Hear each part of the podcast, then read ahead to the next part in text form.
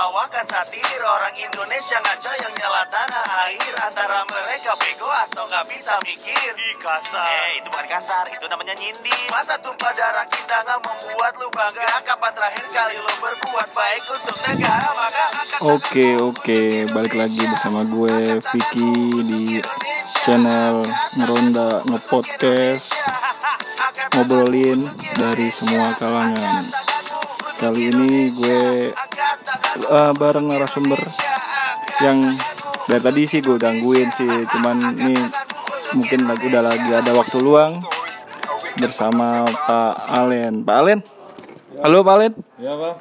Nah, gini kan lagi di tengah wabah COVID-19 atau corona ini dari sisi koordinator yang mengatur anak operasional di lapangan ini eh, semua anggota security kayak gimana nih Pak?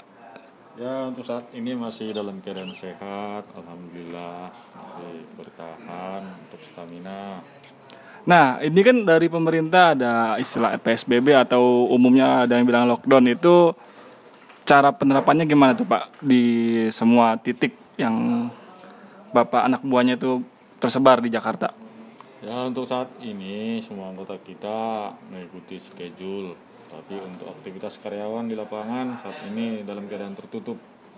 Tidak ada aktivitas pak, mungkin ada aktivitas paling hanya piket dan diseling.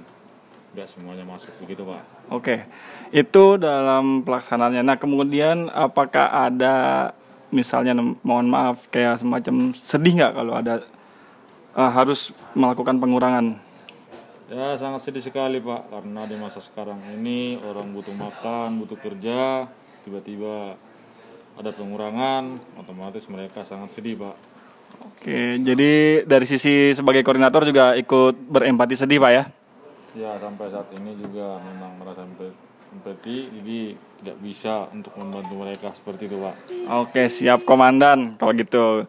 Inilah uh, ulasan sedikit dari koordinator uh, untuk pengaturan security. Ya, inilah dari bidang pengamanan dalam melakukan penerapan lockdown atau PSBB.